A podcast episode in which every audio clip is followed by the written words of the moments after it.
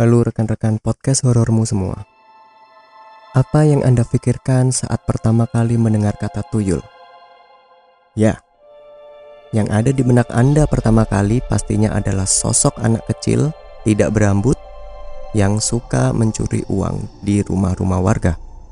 Tentu saja, sosok ini adalah sosok goib. Kali ini, podcast horormu akan membahas ciri-ciri orang yang memelihara tuyul.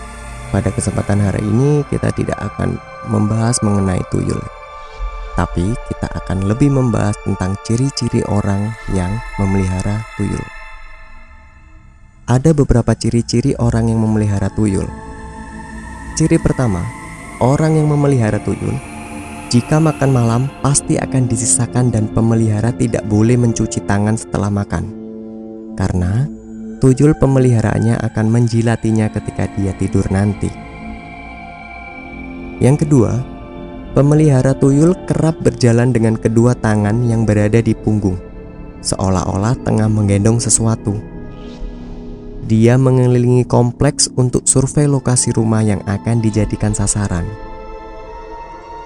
Pemelihara tuyul biasanya memiliki banyak warna cat di rumahnya karena tuyul mempunyai karakter seperti anak-anak, yaitu sangat menyukai warna-warna.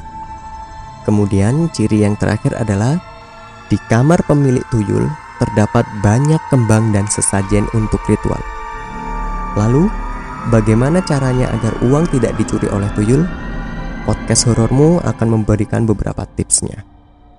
Yang pertama, Jangan biarkan ada sisa makanan di piring atau membiarkan makanan terbuka pada malam hari. Karena ini bisa mengundang tuyul masuk dalam rumah. Mungkin secara fisik, makanan yang tersisa tersebut kelihatannya masih utuh. Namun sejatinya, makanan tersebut sudah dijilati dan dihisap saripatinya oleh tuyul.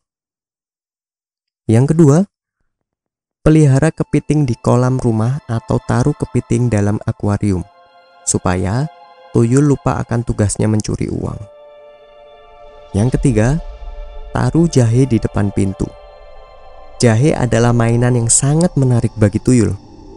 Jadi, diharapkan tuyul asik dengan jahe sehingga lupa untuk mencuri. Tips yang terakhir adalah buang gambar-gambar bernyawa serta patung-patung yang ada di dalam rumah karena tuyul suka sekali dengan gambar bernyawa dan patung. Itu tadi adalah beberapa ciri-ciri orang yang sedang memelihara tuyul dan juga beberapa tips agar supaya kita terhindar dari celakanya si tuyul. Semoga bermanfaat.